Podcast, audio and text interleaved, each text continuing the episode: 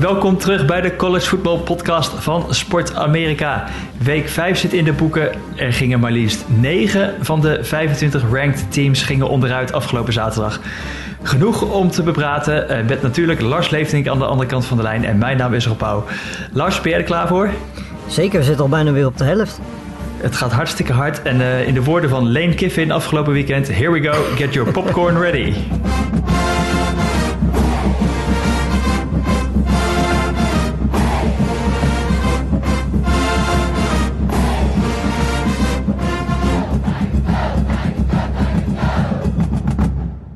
Ja, de befaamde woorden van Lane Kiffin, uh, headcoach van Ole Miss, voordat hij het opnam in die ranked matchup tussen met Alabama en Ole Miss. Uh, maar hij was nog niet uitgesproken of hij keek tegen een 21-0 achterstaand aan. Wat was het, ja, Lars? 21-0 inderdaad. Ja. Ik, ja, ik denk dat hij daar inmiddels wel een beetje spijt van heeft. Uh, 28-0 was bij rust zelfs trouwens. 28-0, ja. Nou goed, dat, uh, ja, het zijn leuke woorden natuurlijk van tevoren, maar daar kwam niet heel erg veel van terecht, zullen we maar zeggen. Ehm, ik denk dat iedereen Alabama wel gewoon als favoriet had in deze wedstrijd. Maar uh, dat ze na rust 28-0 voor zouden staan, dat, uh, ja, dat hadden zelfs ik en, en, andere mensen denk ik ook niet verwacht. Um, maar goed, ja, Alabama is gewoon heel erg goed. En uh, de voorgaande jaren was het misschien zo af en toe wel eens een keer zo dat het alleen offense was. Um, maar dit jaar is het ook de defense die gewoon ja, hele goede wedstrijden kan spelen. En als je die combi hebt, uh, ben je eigenlijk nog onverslaanbaarder dan dat Alabama eigenlijk al was. Uh, en natuurlijk heb je Bryce Young die af en toe een mindere wedstrijd zal hebben tussendoor. Uh, maar ja, weet je, op deze manier is het heel moeilijk om een Alabama te verslaan. Dan komt Mississippi in de tweede helft nog wel een beetje terug. Uh, maar het is eigenlijk, ja, weet je, ik moet ook heel eerlijk zeggen, na die 28-0 heb ik hem uitgezet, heb ik een andere wedstrijd gekeken. Want ja, ik denk dat niemand op dat moment nog het idee had dat ze terug zouden komen.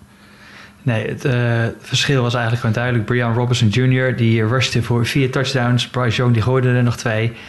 Ja, en dan, uh, dan staat die score zo op het bord natuurlijk. Uh, ja, eigenlijk een makkelijke overwinning. Want als eerste gewenkte Alabama tegen het twaalfde gewenkte Ole Miss was het? Of was het nog achtste? Twa nee, twaalfde geloof twaalfde, ik. Ja. Twaalfde, ja. eigenlijk meteen de nummer één van het land gehad. En ik denk dat er een hele duidelijke afscheiding is tussen de top twee op dit moment. Van in college voetbal en de rest. Want ja. nummer 2, Georgia, die zou het misschien wel eens moeilijk kunnen gaan krijgen. Want nummer 8 gerankte Arkansas kwam op bezoek. Die natuurlijk A&M al hadden verslagen. Ze hadden Texas al verslagen. Uh, wat zei Georgia ervan? Na één kwart 21-0. Uiteindelijk 37-0. Gewoon een shutout tegen Arkansas. Ja. Georgia die, ja, die liep helemaal over Arkansas heen, letterlijk. Ja, nee, daar bleef niet heel veel van over. Ook qua spanning niet. Uh, ook dit was een wedstrijd die, net zoals bij Alabama, Ole Miss redelijk snel op uitgezet. Want uh, ja, Jefferson was er bij Arkansas gewoon bij. Maar zelfs met hem uh, waren ze compleet kansloos. Georgia heeft gewoon de beste defense van het land. En dan, ja, als die offense ook nog eens een keertje zoveel punten kan scoren. ja, dan, dan is een team als Arkansas dat op zich wel aardig indruk maakte de afgelopen, wat twee weken. Um, ja, dan ben je gewoon kansloos. Sta je weer met beide benen op, op de grond. Net zoals Ole Miss dat eigenlijk een beetje gehad heeft. Uh, ik geloof ook dat ze komend weekend tegen elkaar moeten, Arkansas en, uh, en ja. Ole Miss. Dus uh, ja, dat is voor beide dan een kans om revanche te nemen. Maar het is wel duidelijk op dit moment dat, zeker met hoe moeilijk het Oklahoma en Ohio State het bijvoorbeeld hebben, dat Alabama en, en Georgia wel op dit moment de twee beste teams zijn in college voetbal. Ja, en volgens mij uh, Georgia had, even denken hoeveel passing yards. Uiteindelijk kon Jaden, of, uh, JT Daniels kon niet spelen. Vanwege 45 passing yards hadden Georgia 72 passing yards voor Stetson Bennett. Ja. Ja, ja en de rushing yards 273, ja. wat ik al zei, die liepen er gewoon letterlijk overheen. Ja. Ongelooflijk. Uh, grote afsplitsing lijkt het gewoon wel tussen deze twee ploegen en de rest, uh, en de rest van het land. En het moet volgens ja. mij al iets heel geks gaan gebeuren als we Georgia Alabama niet in die SEC Championship game zien. Want waar het misschien spannend zou worden voor Georgia, dat is misschien in Florida. Maar Florida ging als een van de genoemde ranked teams onderuit afgelopen weekend. Uh, ja. Meteen maar heel even noemen tegen Kentucky. Ja, nou ja, goed. De, Kentucky is natuurlijk het hele seizoen al uh, opvallend goed bezig. Um, zijn nu ook volgens mij voor het eerst uh, ranked. Worden daar ook voor beloond en terecht. Um, ja, wat mij bij Kentucky vooral opvalt is dat ze in één keer een passing game hebben. Want dat hebben ze de afgelopen jaren niet gehad. En uh, Levis heeft er eigenlijk, die is overgekomen van Penn State. Die heeft eigenlijk eens eentje ervoor gezorgd dat Kentucky in één keer meer gaat pasen. Um, ja, en als je dat dan combineert met het feit dat ze natuurlijk altijd een goede running game en een goede offensive line hebben. Um, en verdedigend ook altijd heel solide zijn, heel veel turnovers forceren. Um, ja, dan heb je gewoon een hele goede ploeg. En dat mochten ze eigenlijk voor het eerst tegen Florida gaan laten zien. Dat hebben ze gedaan, 2013 zegen. En uh, ja, bij Florida liep het uh, aanvallend gezien gewoon weer wisselvallig. Running game was er eigenlijk niet. Uh, Emery Jones was, was de leading rusher, dus dat zegt wel genoeg. Um, en ja, qua passing was hij niet eens zo heel slecht. Um, alleen ja, uh, het is een beetje het probleem met Florida. Ze zagen er bijvoorbeeld heel goed uit tegen, tegen Alabama. Dan heeft iedereen het idee van nou, misschien kunnen ze die lijn doortrekken.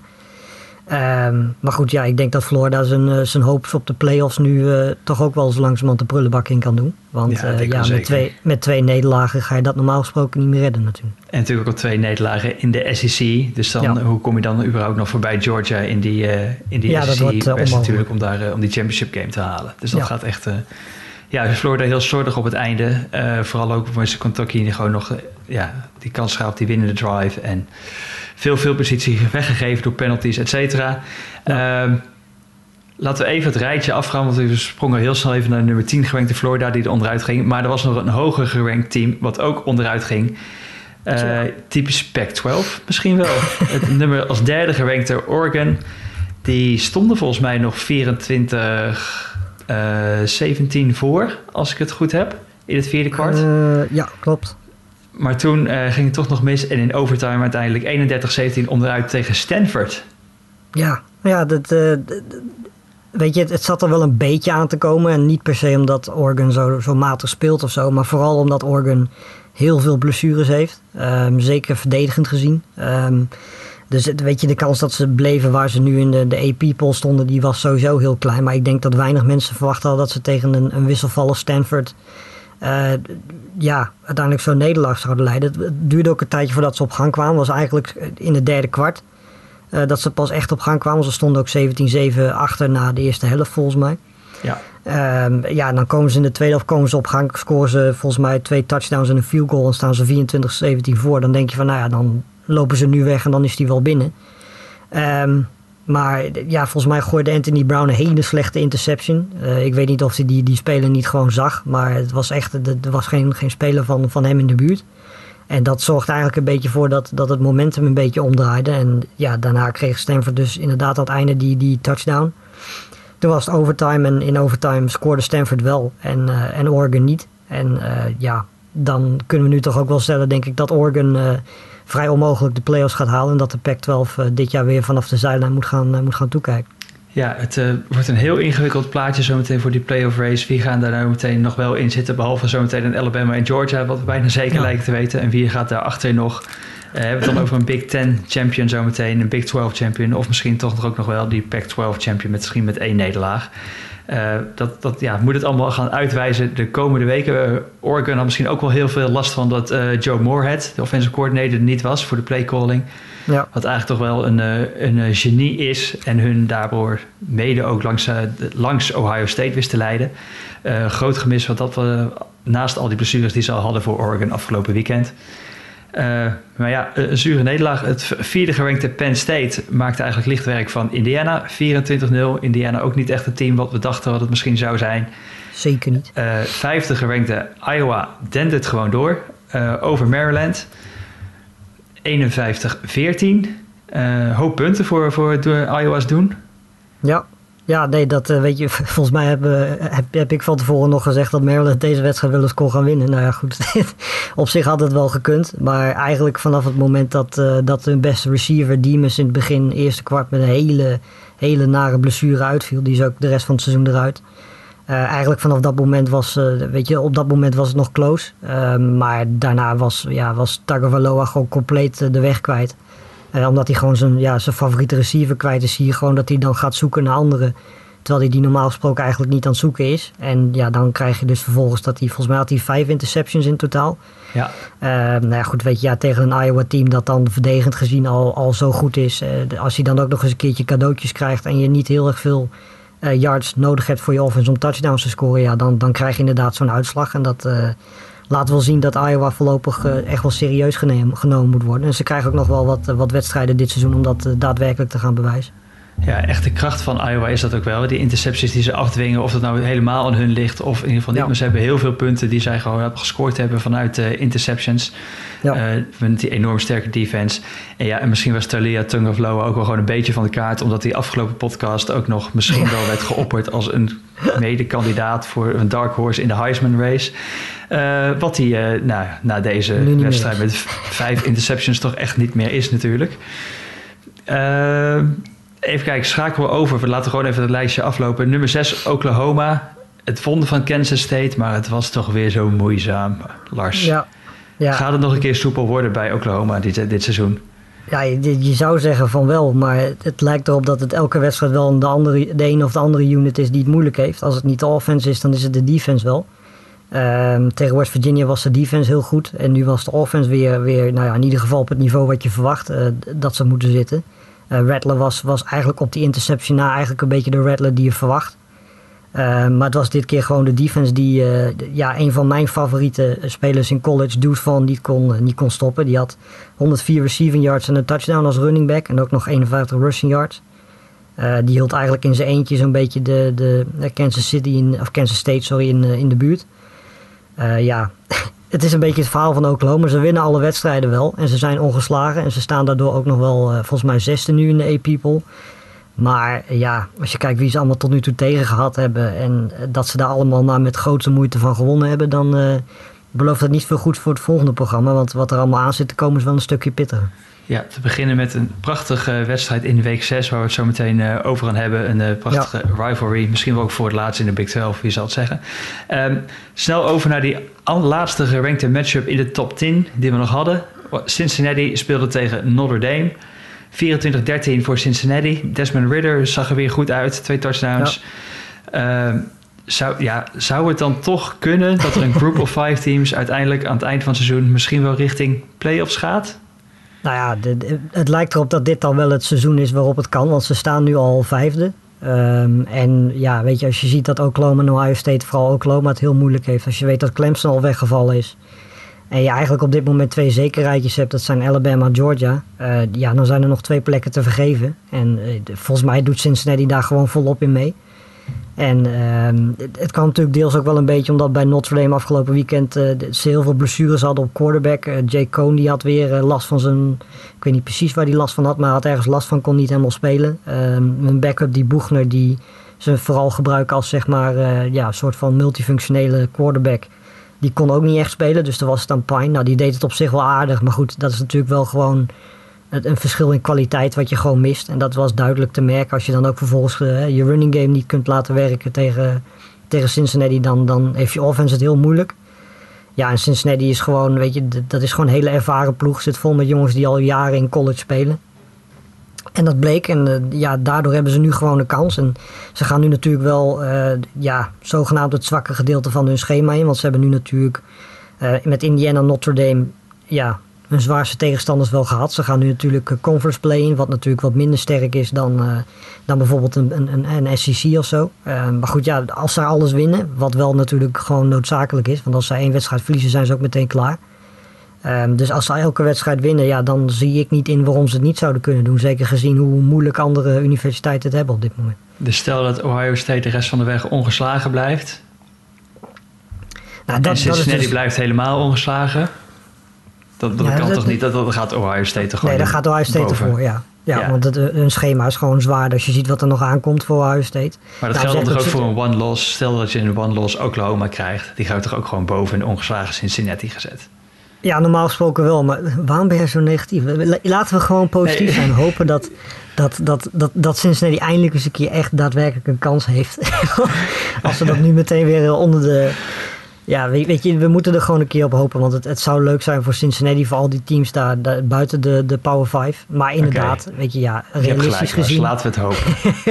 realistisch gezien zijn inderdaad, als, weet je, als Oklahoma High State met één nederlaag eindigen, is hun schema natuurlijk gewoon veel zwaarder geweest. Oké, of althans, de playoff committee gaat ons toen geloven dat dat schema Precies. veel zwaarder Ja. is geweest.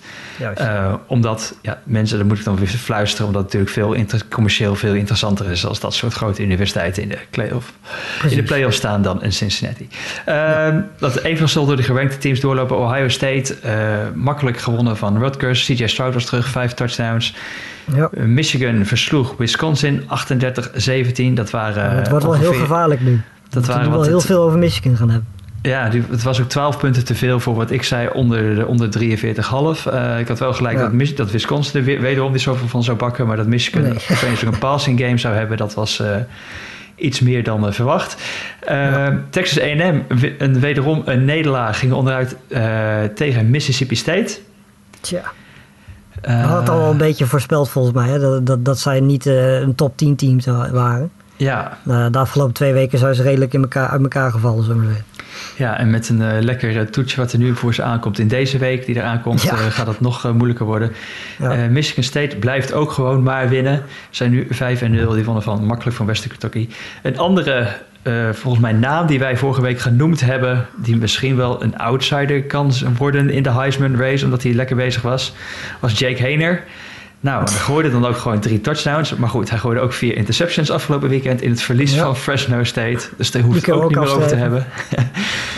Eh, Oklahoma State won in een ranked matchup van Baylor. UCLA ging als ranked team onderuit.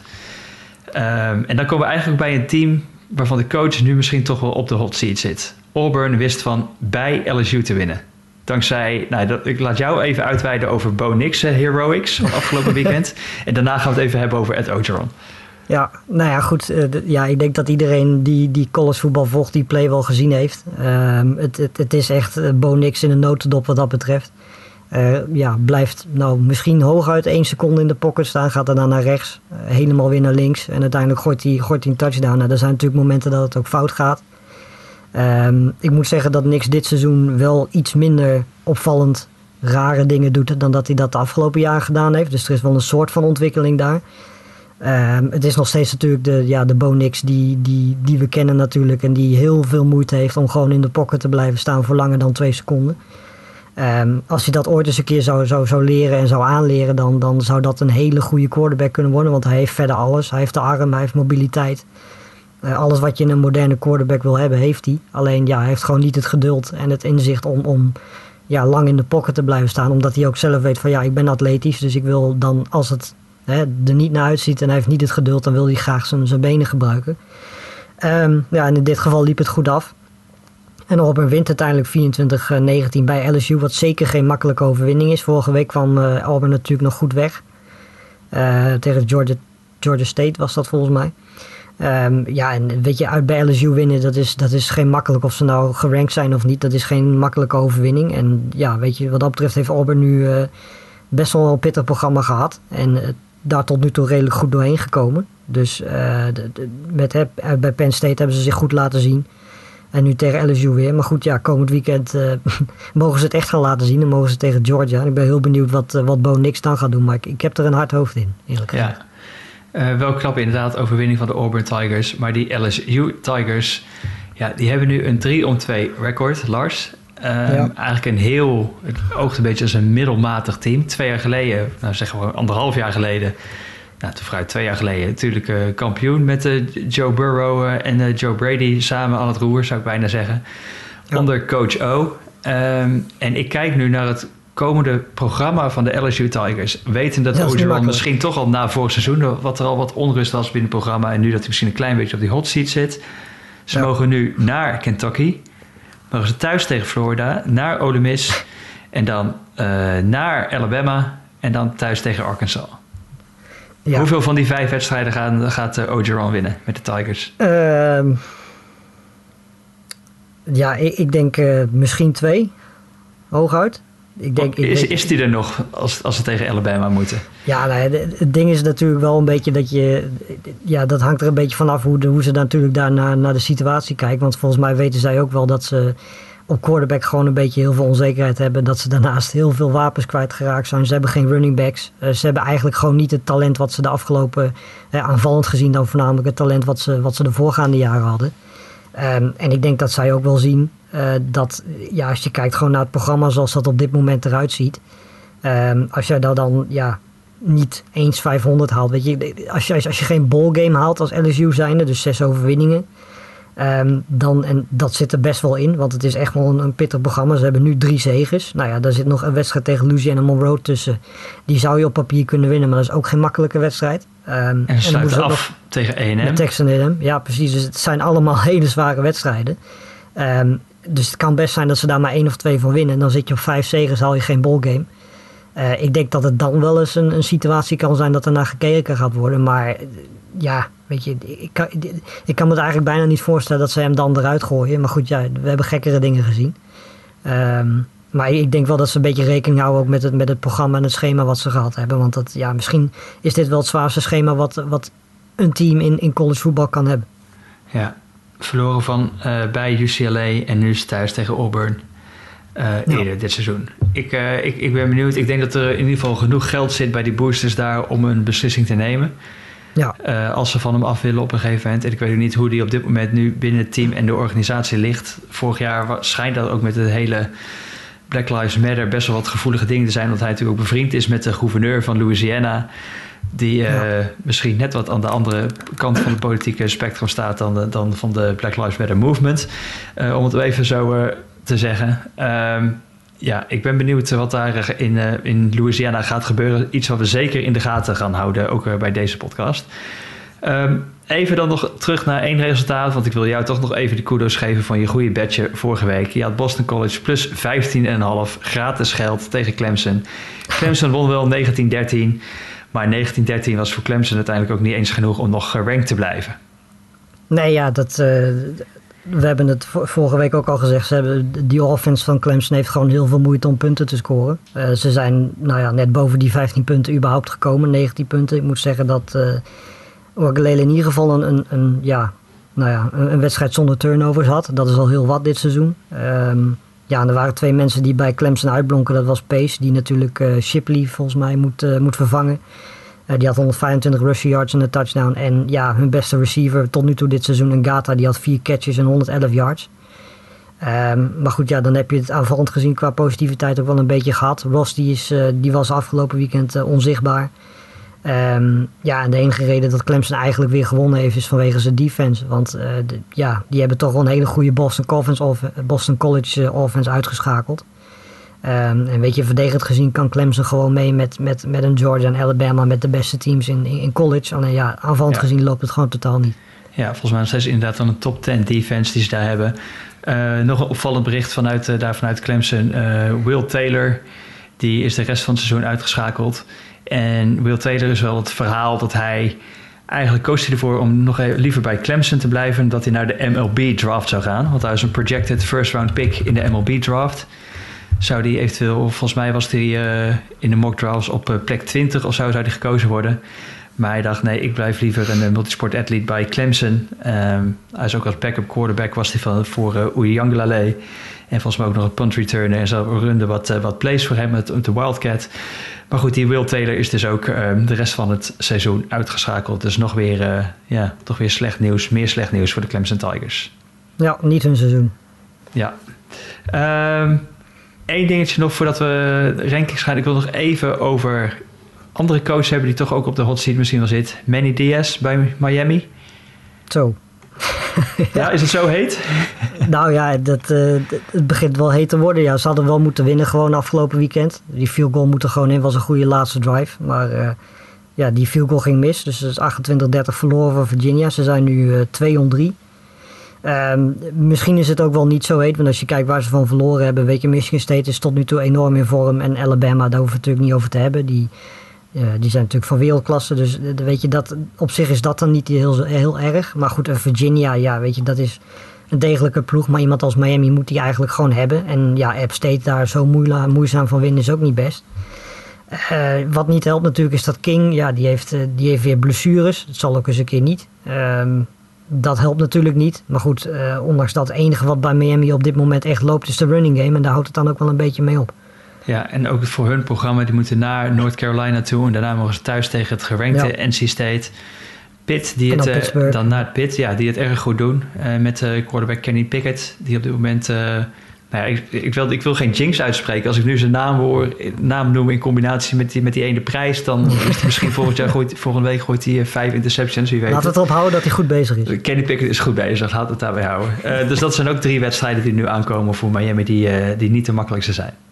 Ja, nee, die gaan uh, absoluut ook wel een uitdaging hebben om ook die zes zegens te pakken, net zoals LSU. Ja. Um, aan de andere kant, ja, weet je, Florida State, Georgia Tech, Duke, weet je, dat zijn wel wedstrijden die je kunt hebben. Maar goed, dan zit je nog steeds maar aan vijf zegens. Dus ze zullen ergens uh, bij een Virginia Tech thuis of uit bij Pittsburgh of tegen NC State of North Carolina zullen ze wel een wedstrijdje moeten winnen om, dat, ja, om die ballgame te halen. Ja, ook die gaan we dus in de gaten houden met betrekking tot de coaching carousel. door naar de rankings? Ja. ja, we hebben het merendeel al wel een beetje besproken. Wat de, de Iowa derde, Penn State vierde, die spelen tegen elkaar komend weekend. Dus, ja, prachtige ja, de, dat gaat meteen een hele belangrijke voor beide worden. Um, Oregon gezakt naar 8. Dat valt me eigenlijk nog wel mee. Um, Michigan 9. Die, ja, die blijven omhoog gaan. Die stonden aan het begin van het seizoen niet eens in de top 25. Uh, ehm, we zijn nu 5 0. Maar goed, we moeten ook wel stellen dat daar natuurlijk bij Michigan nog wel wat wedstrijden gaan komen waar ze zich echt uh, mogen laten zien. Uh, BYU tiende, ook keurig. Doen, ja, misschien doen die nog iets minder mee dan Cincinnati om, om, om de playoffs. Maar ze staan er in ieder geval goed voor. Um, Notre Dame 14e gezakt.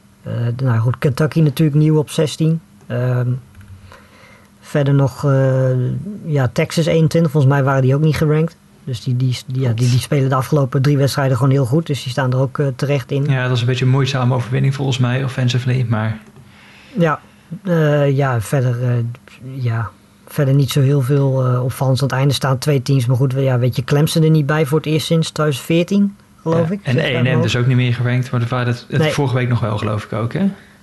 Nee, maar die hoorden op dit moment ook gewoon niet tussen. dus, die gingen van 15 uh, eh, gingen ze eruit en Clemson dus van 25 eruit. Maar toch twee echt grote namen. Kijk, E&M was natuurlijk vorig jaar nog uh, aan het einde vijfde gerankt. Die vonden dan misschien wel recht hadden op, die, op zo'n final playoff spot. En dan nu naar niet ranked. Ja, is toch ook uh, ja, ver gevallen. Ja, kun je wel zien dat, dat een quarterback hebben heel veel verschil maakt. Ja, Ehm, ja, hoe, hoe, opvallend is het eigenlijk? Is dat in college voetbal nou nog belangrijker dan in de NFL? Die goede quarterback, die star quarterback? Um, nou ja, ik, weet je, iemand als Kellermond bijvoorbeeld, die had natuurlijk wel enorm veel ervaring. Die heeft natuurlijk al, ja, die speelde daar al jaren. Um, dus weet je, dat zie je bij, bij een Clemson ook als, als zo iemand weggaat, zoals Lawrence. Um, ja, dat heeft wel meteen gewoon, gewoon impact. Je ziet het ook bij al die, die grote universiteiten. Die hebben allemaal getalenteerde quarterbacks. Maar wel allemaal jongens die of een eerste jaar echt starten of überhaupt een eerste jaar in college spelen. Eh, en dan zie je gewoon dat die, die wisselvalligheid er is. Maar ik denk niet per se dat dat, dat dat anders of belangrijker is dan in de NFL. Want je ziet in de NFL nu ook uh, Trevor Lawrence, Zach Wilson, uh, Mac Jones. Die ook heel wisselvallig presteren. Het ook niet makkelijk hebben. Um, dus weet je, de quarterback is gewoon de positie waar je heel veel ervaring nodig hebt. En ja, dat zie je dan bijvoorbeeld wel terug bij een Clemson en Texas A&M. Die natuurlijk twee hele ervaren en ook gewoon goede quarterbacks kwijtgeraakt zijn. Ja, en ik denk ook natuurlijk dat je ziet dat we de afgelopen jaren in college voetbal echt enorm veel, of tenminste echt veel super getalenteerde quarterbacks hebben gehad. Die natuurlijk nu allemaal zijn doorgestroomd naar de NFL, waar we vorige week ook al over hadden. Dit jaar is die lichting gewoon uh, ook gewoon wat minder in, in college voetbal, denk ik. Um, Zeker. Oké. Okay, ehm, Heisman. Nou, we hebben al gezegd in ieder geval wie er niet in de, in de aanmerking komen. Vooralsnog denk ik misschien toch een beetje naar richting de quarterbacks kijken. Richting een Bryce Young. Misschien wel Matt Corral nog. Die geen indruk kon maken tegen Alabama. Maar in ieder geval geen uh, interceptions gooide. Um, ehm, CJ Stroud. Stroud, die gooide de vijf. Ja.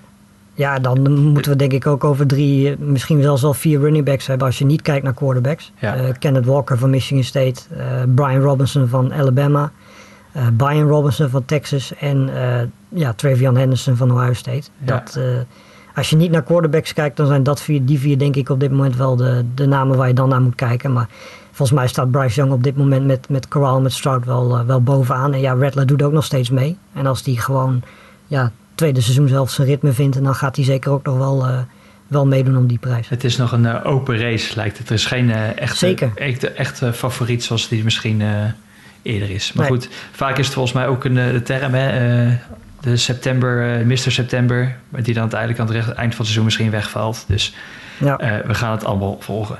Ehm, richting volgende week kijken. Ja, want er, er, staat nogal wat op het programma. Er, er staat nogal wat op het programma. En trouwens, jij noemde, laten we meteen even inhaken, want op de na, een van de namen die jij net noemde, Bijan Robinson, uh, running back van Texas. Want er kwam een vraag binnen van Quando16. Quando zei, Bijan Robinson heeft een bizar seizoen tot nu toe. Hoe denken jullie over hem naar de toekomst toe? Hoekom Horns. Echte Texas-fan dus. Uh, Bijan Robinson, ik denk dat hij uh, op dit moment heel erg kan thriven zeg maar, onder het systeem, het nieuwe systeem van uh, Sarkisian.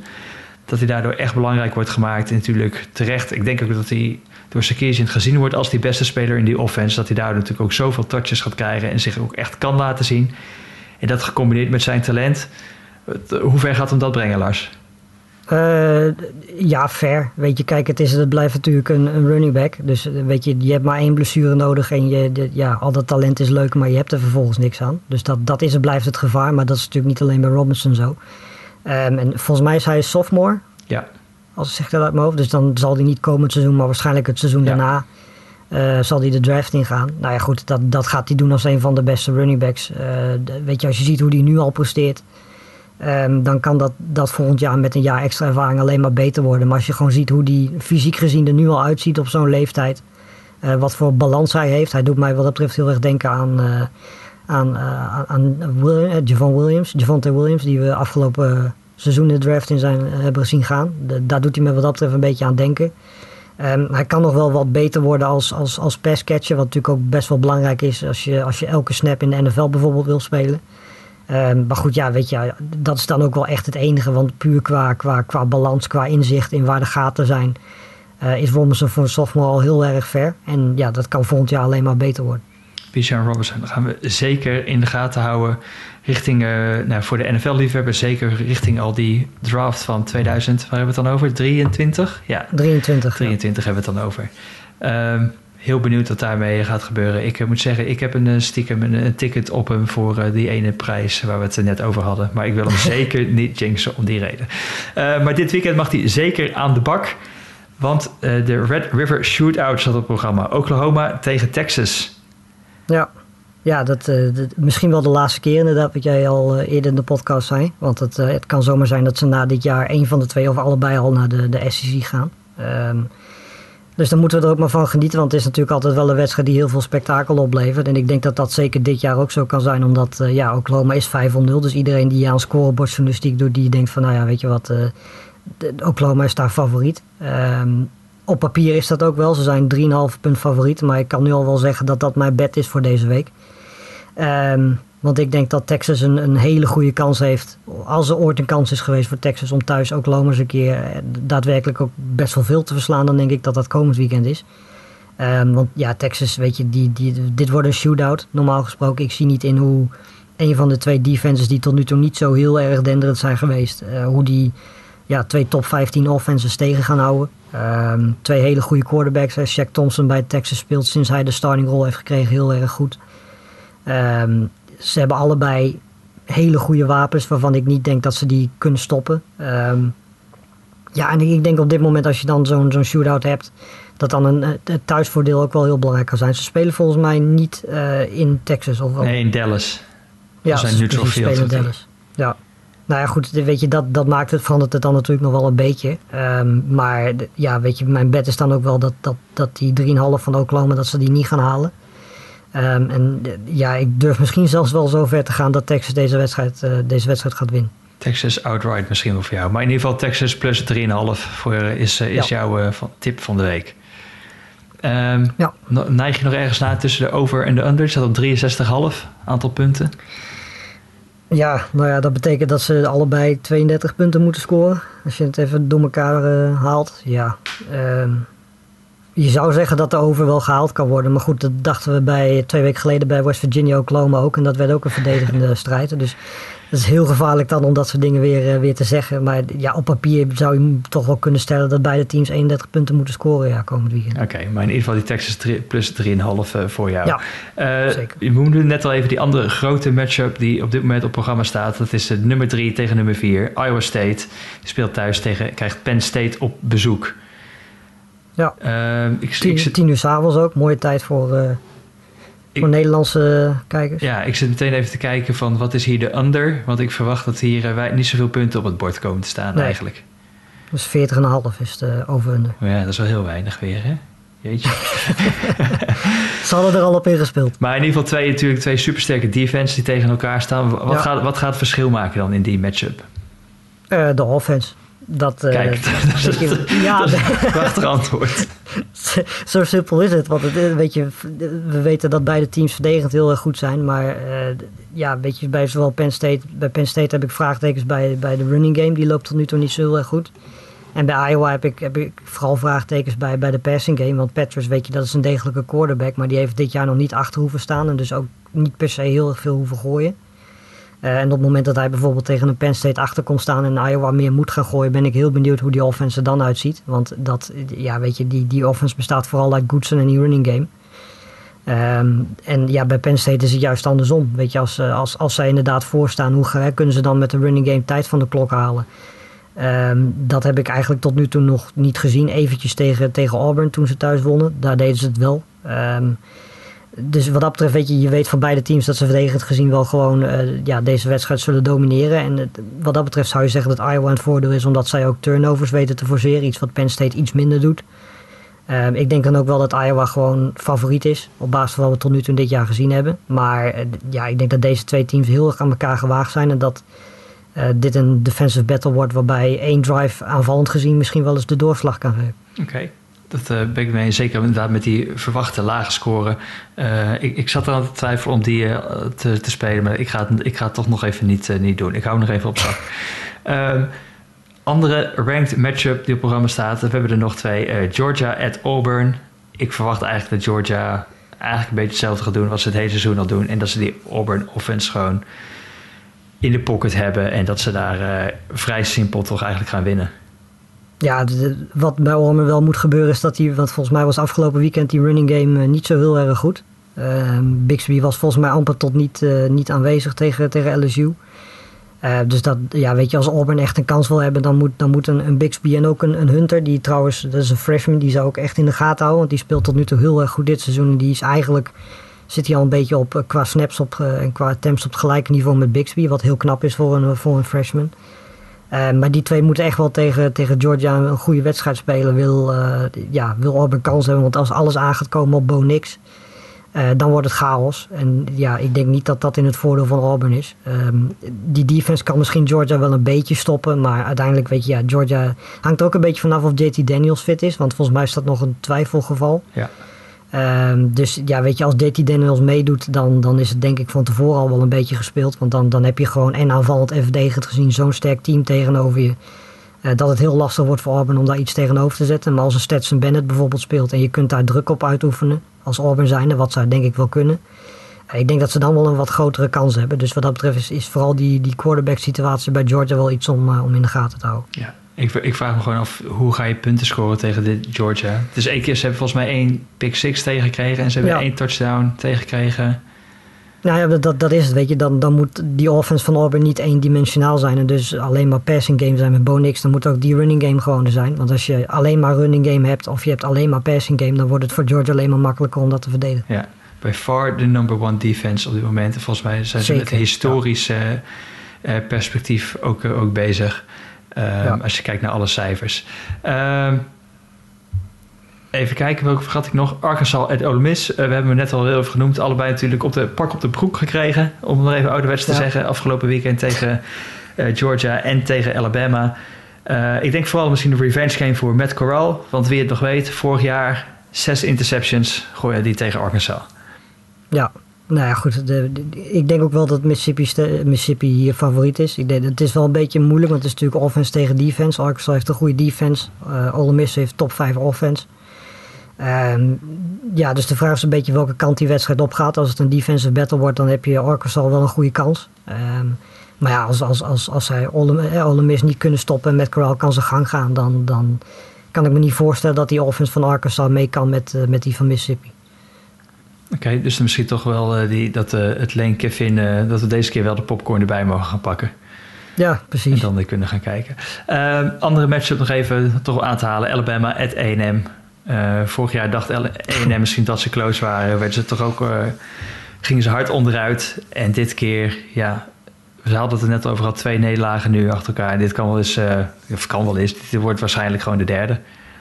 Ja, nou, de enige reden dat, dat, ze, dat ze niet meer dan min 18 uh, outsider zijn is omdat ze thuis spelen. Ja. Want uh, ja, er is verder eigenlijk geen enkele reden om te denken dat, uh, dat Alabama deze wedstrijd gaat verliezen. Zeker ook omdat, ja, weet je, 1 heeft wel een goede defense, maar tegenover Alabama maakt het niet zo heel erg veel uit welke defense er tegenover staat. Uh, die, die scoren meestal wel 30 punten. En de, ja, de, de aanval van Texas A&M is gewoon niet goed genoeg om met Alabama mee te gaan. Ja. Zijn er nog andere matchups die of wedstrijden die op programma staan waar je denkt van die moeten we in de gaten houden, moeten we ehm. volgen. Nebraska is natuurlijk niet heel slecht bezig. Ook al hebben die natuurlijk dat echt hele slechte eerste wedstrijd gehad. Waarbij ze ook nog een ja, veeg uit de pan hebben gegeven. Maar die zijn best nog goed, daarna goed bezig. En mogen nu thuis tegen Michigan. Ja, Nee, ze scoren vooral heel erg veel. Dus als dat inderdaad een, een, Michigan doet dat ook heel veel scoren. Dus als dat inderdaad een high scoring game wordt, dan eh, ja, weet je, denk ik dat Nebraska zeker wel een kans heeft. Ze zijn in ieder geval niet zo slecht als hun 3-3 record laat zien. En het maakt het eigenlijk alleen maar pijnlijker dat ze tijdens week 0 van Illinois verloren. Die uh, nu letterlijk alles verliezen wat je kan verliezen. Uh, dus wel eigenlijk alles een 4 om 2 moeten zijn. Maar goed, het, ja, weet je, het, is niet per se voor Michigan de wedstrijd waar ze zich moeten bewijzen. Maar dit zijn wel van die wedstrijden die gevaarlijk kunnen zijn. En dat je aan het eind van het seizoen denkt van nou, we hebben eigenlijk alles gewonnen. Behalve bijvoorbeeld met Nebraska. En dat kost je dan misschien wel, uh, wel de play-offs. Dus wat dat betreft, ja, weet je, wordt het uh, interessant om te zien of Michigan die lijn van de afgelopen vijf weken door kan trekken. Ja. Uh, je maakte even een bruggetje naar misschien wel mijn verrassende en misschien ook wel weer stomme bed van de week, Lars. Nou, jij, noem, jij, noemde Illinois, die ongeveer alles verliezen als ze kunnen verliezen. En toch neem ik Illinois plus 10,5 tegen Wisconsin. Ja. Komend weekend. Wisconsin uh, is echt, echt. Als je tegen Wisconsin had gebed de afgelopen weken, dan was het aardig goed gegaan met Notre Dame en Michigan. En ik denk gewoon dat die echt compleet de weg kwijt zijn. Uh, Graham... Ja, het ding is wel, volgens mij is uh, Merch die speelt niet volgens Precies, dus als ze dan een nog slechte quarterback op dit moment krijgen dan, dan Merch... Sorry, maar dan heb ik weinig vertrouwen in dat ze dan Wisconsin bij ja. uh, Illinois dan toch wel echt een goed resultaat neer gaan zetten. Die hebben de afgelopen weken dus ook gewoon, ze hebben, even kijken, 10 punten gescoord tegen Penn State. Nou ja, dan tegen Eastern Michigan is dat, EMU. Ja. Nou, die wonnen ze dan. Maar goed, 13 punten tegen Notre Dame, 17 punten tegen Michigan. Ja, ik, als de Merce dan ook niet meedoet, uh, ik, ik, zie niet in dat ze zo snel met 10,5 punten verschil gaan winnen. Dus ik neem Illinois plus ja, 10,5. Illinois staat dan wel 2 om 4 nu, maar als je ook kijkt, Maryland hebben ze maar met 2017 van verloren, Purdue 13-9. Dus het, het is allemaal niet per se heel erg dat ze eh, compleet in elkaar, elkaar gerukt worden tijdens die wedstrijden. Uh, ja, Wisconsin gaat dat. Er is natuurlijk geen enkele reden op dit moment om te denken dat Wisconsin dat in één keer wel gaat doen. Uh, dus als er voor Illinois een keer kans is om te winnen van, uh, van Wisconsin, dan is het misschien wel komend weekend. Ehm, dus ja, weet je, op zich vind ik het, de gedachte niet eens zo heel gek. Oké, nou dat is toch bemoedigend om te horen, want volgens mij heb ik een, inmiddels al drie weken achter elkaar dat ik er naast zit. al moet ik zeggen dat ik afgelopen weekend, toen ik hoorde dat JT Daniels niet ging starten, toen had ik de under genomen in Georgia, ja. Arkansas. En gecombineerd met uh, dat Ohio State meer dan uh, eh, 36,5 punten ging scoren. Dus dat had ik een lekkere multi die uiteindelijk een keertje wel binnenviel. Dus dat was ook nodig. Um, Oké. Okay. ik heb, Lars, ik moet weer bekennen, ik heb nog niet gekeken welke wedstrijden op tv zijn. Ik ga dat nu ja, gewoon nog heel snel proberen op te zoeken. Dat kan. Ik denk dat het de, om 6 uur Maryland Ohio State is, denk ik. Als ik dat zo zie, ja, dat ligt er een beetje aan. Want vorige week was uh, de SEC was die wedstrijd ook in één keer op ESPN om 6 uur. Ja. Dus toen was hij ook in één keer op, uh, op ESPN 1, zeg maar. Um, dus dat zou Arkansas Mississippi dan kunnen zijn, als die niet op CBS is. Nee, Arkansas Mississippi is op ESPN. Dus het zou kunnen dat ze die dan uh, kiezen. Om 6 uur. Ik zit even te kijken. Hey, het is niet op ESPN 4? ja, volgens mij wel. 4 of 3. TV-gids, tv-gids.tv uh, denkt er anders over deze week.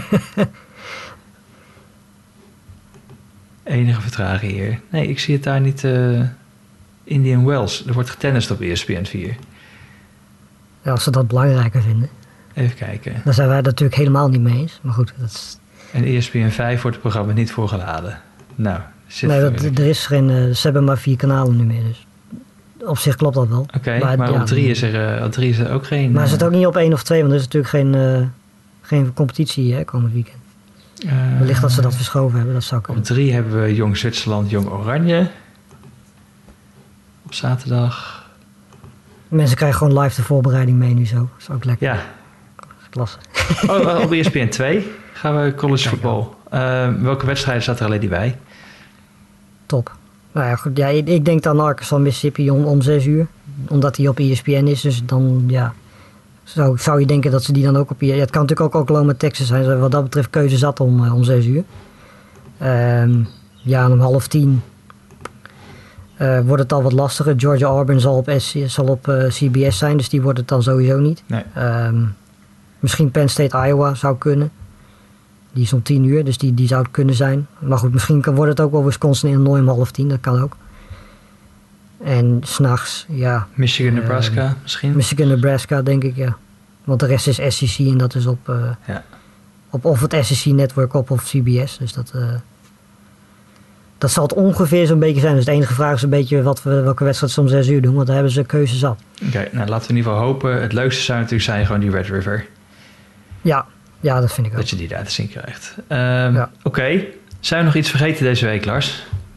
Ja, ik kijk al een beetje naar week 7, heel kort. Maar dat, uh, ja, dat is niet van het niveau van wat we afgelopen twee komend weken. weekend uh, gaan zien. Auburn, Arkansas, Florida, LSU, dat, dan, daar heb je het ook wel mee gehad. Nou nee, Oklahoma State, Texas, valt mee. Er staan ook volgende week uh, Kentucky, Georgia. Er staat genoeg op programma de week daarna. Dus ja, je kunt, laat zo zeggen, je kunt wel merken dat we begonnen zijn met, uh, met conference play. Met play. En, en inderdaad, uh, na dit weekend zitten we alweer halverwege. Ja, ja, het gaat hard. Het gaat heel hard. Heerlijk, het college voetbalseizoen. Uh, Zeker. Oké. Okay. Is er nog iets op Sport Amerika verschenen? Uh, nou ja, in principe tegen de tijd dat de podcast online komt wel. Um, ik ga waarschijnlijk iets over, uh, over die nederlaag van Oregon doen. En misschien ook nog wel iets over waarom Alabama en Georgia op dit moment ja, overduidelijk de twee beste teams van, uh, van college voetbal zijn. Dus dat uh, waarschijnlijk dit, deze week en anders komt een van die twee artikelen volgende week uh, online. Oké, top. Ga dat dus ook zeker lezen op sportamerika.nl. Lars, bedankt weer voor deze week. Yes. Wij spreken elkaar volgende week en hopelijk luisteren jullie dan ook allemaal weer volgende week naar de College Football Podcast. Uh, ik zie dat we best wel een lange van hebben gemaakt deze week. We zullen het volgende week proberen, proberen iets beknopt te houden. Maar in ieder geval bedankt voor het luisteren. En hebben jullie vragen, net zoals ik al had, stuur ze gewoon even door. Even dat tweetje naar @sportamerika uh, account of naar @larsleefding @rapau en uh, we gaan het er zeker over hebben in de volgende aflevering. Dus veel kijkplezier weer het weekend en tot volgende week.